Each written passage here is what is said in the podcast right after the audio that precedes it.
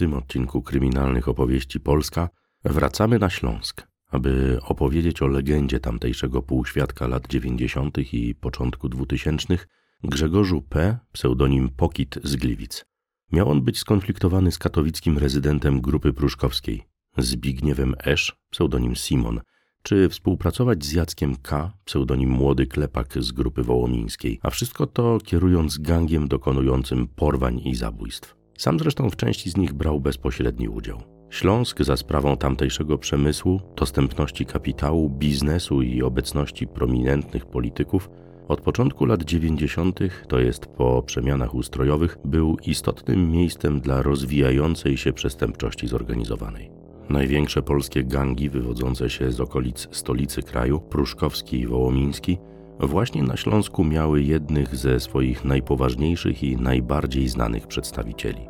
Niezależnie od tego, lokalne struktury przestępcze też zasłynęły na całą Polskę. Mało kto i wtedy, i dziś nie kojarzy takich pseudonimów jak Krakowiak, Simon, Pokit czy Sandokan. Choć obecnie część z nich już nie żyje, a inni nie mają takiej pozycji jak kiedyś, co jakiś czas trafiają do medialnych nagłówków. Dokładnie tak samo jak Śląsk, który wciąż pozostaje atrakcyjnym miejscem dla półświadka. Gliwice to miasto powiatowe położone na Górnym Śląsku nad rzeką Kłodnicą, liczące blisko 180 tysięcy mieszkańców.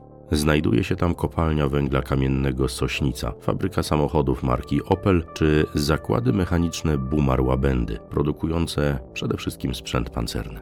To z Gliwic wywodzi się jeden z najbardziej znanych i niebezpiecznych śląskich gangsterów, Grzegorz P., pseudonim Pokit, siostrzeniec znanego lokalnego adwokata, specjalizującego się w sprawach karnych. Pokit współpracował z Krzysztofem Esz, dyrektorem katowickiego domu handlowego Junior. Ten w 1994 roku wpadł w problemy finansowe i pożyczył od tyskiego biznesmena 80 tysięcy marek niemieckich na transport odzieży. Powinien oddać pieniądze w ciągu kilku tygodni, jednak tego nie uczynił. Zamiast tego Krzysztof Esz zlecił ludziom Pokida porwanie Mariana Z. W lipcu 1995 roku Sprawcy przyjechali do domu ofiary przebrani za funkcjonariuszy policji. Chcieli zamienić z Marianem Z kilka słów. Oczywiście był to tylko pretekst, aby wyciągnąć go z domu. Mężczyznę najpierw wywieziono do Kędzierzyna Koźla, gdzie przetrzymywano go w hotelu. Potem zabrano go do tamtejszego lasu. Zastrzelono. Według śledczych dwoma strzałami miał to zrobić Pokit i zakopano. W zajściu obok Grzegorza P. brał też udział m.in. 19-letni wówczas Marek K. Nie było to ostatnie zlecenie gangu Pokida zrealizowane dla Krzysztofa Esz. Podobnie na tle rozliczeń finansowych przestępcy nieskutecznie próbowali jeszcze porwać przedsiębiorcę Piotra M. z Warszawy i pobili biznesmena Aleksandra M. Tymczasem w lutym 1996 roku, jak zakładali policjanci i prokuratura, niejaki Ryszard B uważany potem za zabójcę Andrzeja K., pseudonim Pershing z grupy ożarowskiej, miał zlecić Pokidowi porwanie swojego wspólnika, Grzegorza Esz, bo ten podobno ukradł Ryszardowi B. kilka wysokiej klasy samochodów i naraził go na bankructwo. Sprawa ciągnęła się do jesieni 1996 roku, kiedy to na Grzegorza S. polowali też gangsterzy z Krakowa. Ustalili oni, że mężczyzna przebywa w Wiedniu. Chcieli go uprowadzić, ale szybsi byli ludzie Pokida. Ofiara pewnego wieczora szła ulicą pograć w tenisa i wtedy doszło do nieudanej próby porwania. Grzegorz Esz uciekł na Słowację, gdzie na fałszywe dane wynajął dom w miejscowości Nitra. Tam na prośbę przedstawicieli krakowskiego półświadka odnaleźli go i jesienią 1997 roku uprowadzili słowaccy przestępcy. Wyznaczono okup 400 tysięcy marek niemieckich które od żony Grzegorza Esz wziął jego bliski współpracownik Piotr K. i przekazał policji.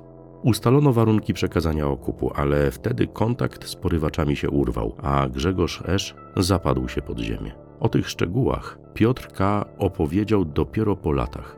Wspominał też wtedy, że Grzegorz Esz miał kontakty z gangsterami z grupy pruszkowskiej, m.in. Andrzejem Z, pseudonim Słowik, czy późniejszym świadkiem koronnym Jarosławem S. Wel-Eu, pseudonim Masa.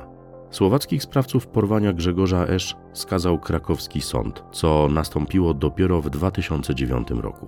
usłyszeli kary od 2,5 do 5 lat i 3 miesięcy pozbawienia wolności. W 1997 roku doszło także do istotnego wydarzenia z udziałem innej postaci, powiązanej potem z Pokidem. Mowa o Sławomirze P., który dokonał wtedy zabójstwa i podpalenia narkomana w skarżysku kamiennej, chcąc upozorować swoją śmierć. W październiku 1998 roku przypomniał jednak o sobie w dość brutalny i zdecydowanie zasługujący na potępienie sposób.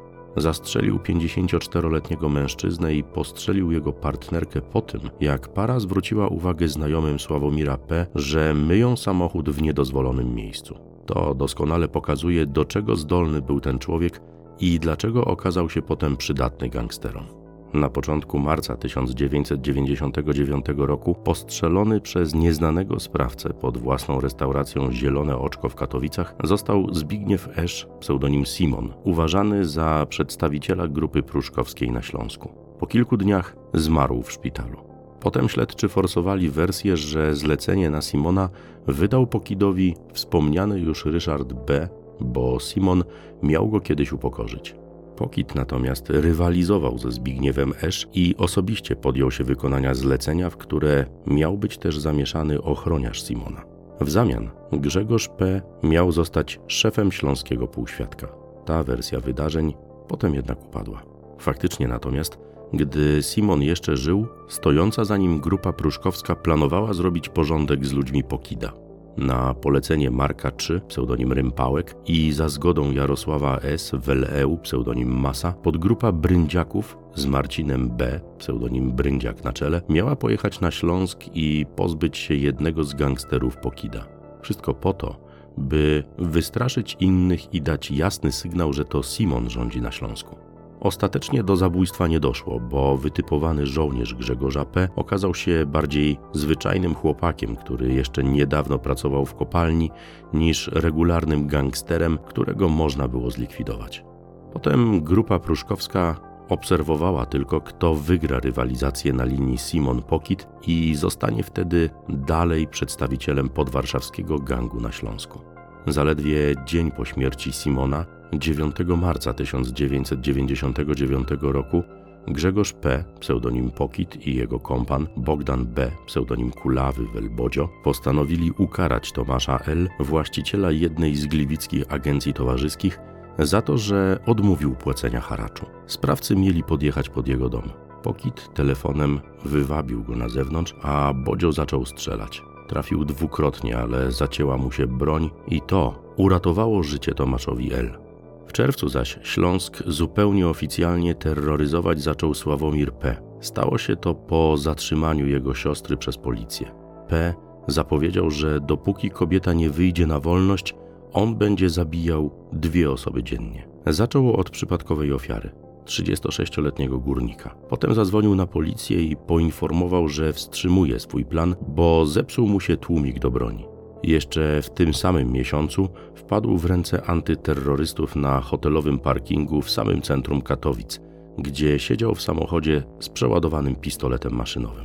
Dalej wyszło na jaw, że Sławomir P. swego czasu przyjął zlecenie od Grzegorza P., pseudonim Pokit, na zlikwidowanie tancerza erotycznego z Warszawy Arkadiusza K., bo ten uwiódł żonę partnera biznesowego Pokida. Sławomir P podłożył pod mieszkaniem tancerza ładunek wybuchowy o wadze pół kilograma, ale źle połączył okablowanie, co finalnie zapobiegło eksplozji. Pirotechnikom udało się rozbroić ładunek. Eksperci ustalili potem, że gdyby doszło do wybuchu, zniszczyłby on cały blok mieszkalny. 5 stycznia 2000 roku na jednej z ulic w Warszawie zastrzelono natomiast Tomasza M.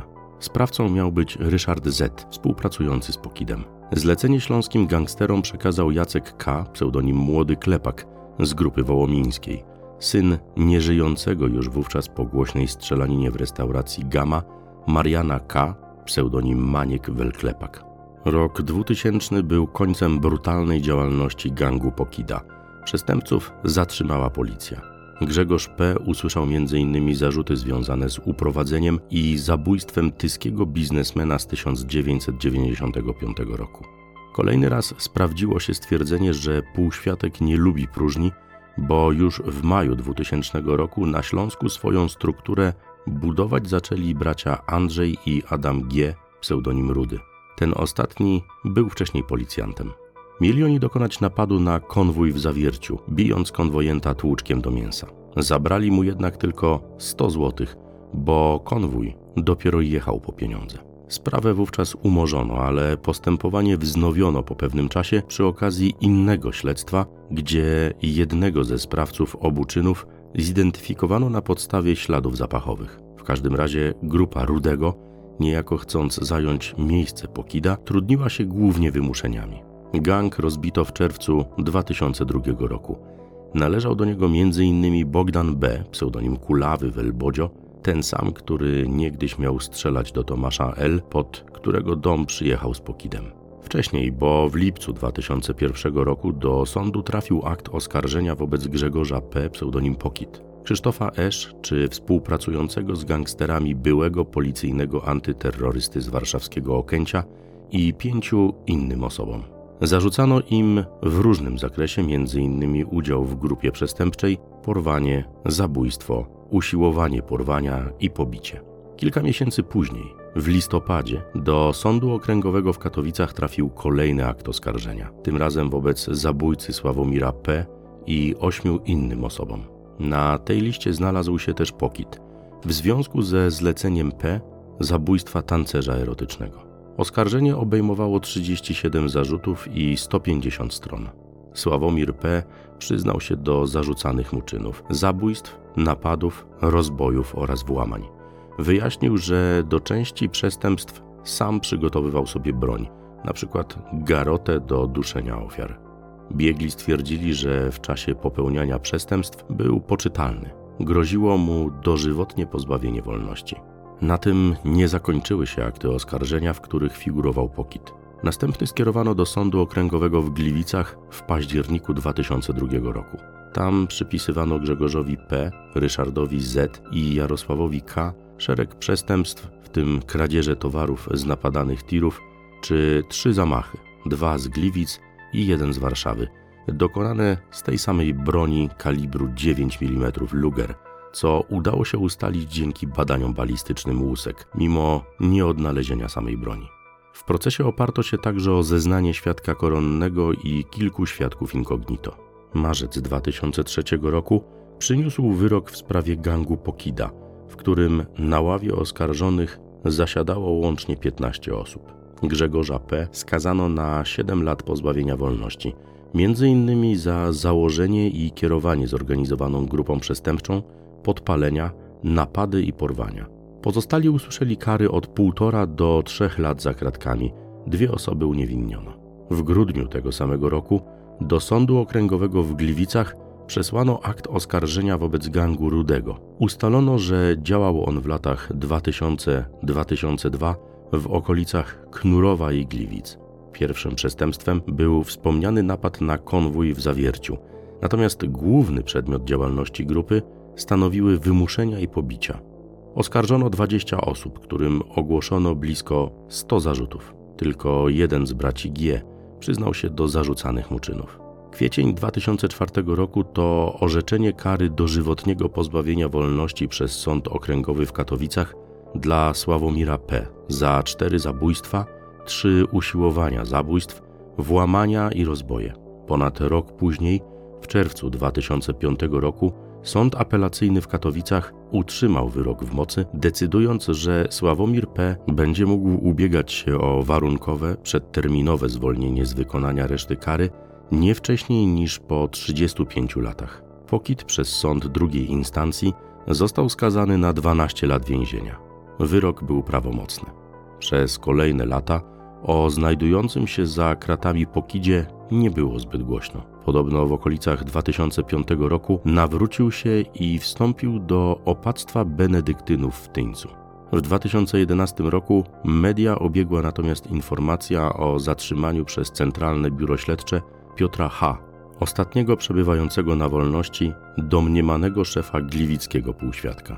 Informowano tylko, że ujęcia dokonali antyterroryści, bo podejrzany mógł być uzbrojony. Nie mówiono oficjalnie o zarzutach, choć jak było wiadomo nieoficjalnie, chodziło o kierowanie gangiem, handel środkami odurzającymi czy czerpanie korzyści z cudzego nierządu. Piotra H. tymczasowo aresztowano na trzy miesiące. Na jednym z forów internetowych użytkownicy pisali, że H. wybił się dopiero po tym, jak Pokit trafił do więzienia. Wcześniej miał być drobną postacią w półświadku, zajmując się automatami do gier czy kradzieżami samochodów. Ponoć jeszcze w latach 90. Piotra H. przegonił inny znany gliwicki gangster, zatrzymany w 1997 roku Zygmunt L., pseudonim Sandokan, powiązany z Januszem T., pseudonim Krakowiak. Sześć lat po wpadce Piotra H. w 2017 roku, według informacji również z internetowych forów, Pokit zaczął być ponoć widywany w Gliwicach, a wiosną 2019 miał jednak znów zostać zatrzymany. W sierpniu za kratkami odbyła się nawet msza święta z okazji 14. rocznicy jego nawrócenia. Według prokuratury rejonowej w Gorlicach i lokalnych mediów, Pokit mógł być jednak mózgiem działającym w całym kraju śląskiej mafii śmieciowej, sprowadzającej do kraju odpady. Portal pressmania.pl Zaznaczał jednak, że to dość trudne do wyobrażenia, biorąc pod uwagę, ile czasu Grzegorz P. spędził od 2000 roku za kratkami i jak w tym czasie zmieniły się realia społeczne, gospodarcze, a także sam półświatek. Dostosowanie się do nowych warunków, zdaniem superwizjera TVN, nie stanowiło natomiast problemu dla Romana Rzet, niegdyś jednego z wyżej postawionych członków gangu Pokida, karanego za czerpanie korzyści z cudzego nierządu, rozboje czy wyłudzenia. Według reportażu z czerwca 2020 roku to on miał stać za powstaniem jednej z bardziej znanych w Polsce giełd kryptowalut. Tak przynajmniej twierdził Marek K., ten, który w wieku 19 lat uczestniczył z Pokidem w zabójstwie tyskiego biznesmena, za co potem skazano go na wieloletnie więzienie.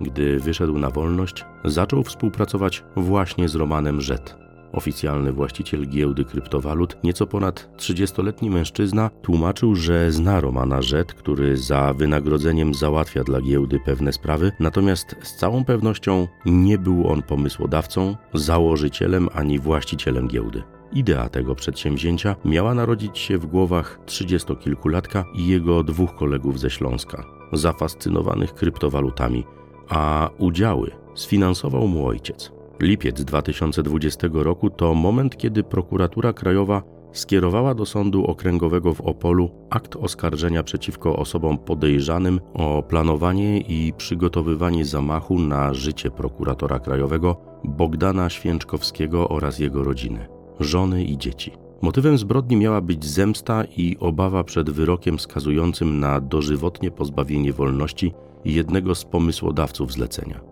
Miał nim być Grzegorz P., pseudonim Pokit, który m.in. za sprawą prokuratora Święczkowskiego był już skazany za zabójstwo i usiłowanie zabójstwa, a groziło mu jeszcze wznowienie przez prokuraturę krajową umorzonego śledztwa w sprawie usiłowania innego zabójstwa. Zdaniem śledczych, Pokit miał namówić współosadzonego Bogdana G., by ten na wolności zorganizował kogoś, kto przekaże broń z tłumikiem i amunicją osobie wskazanej przez Pokida. Do przekazania broni miało faktycznie dojść, jednak nikt nie podjął próby realizacji zamachu.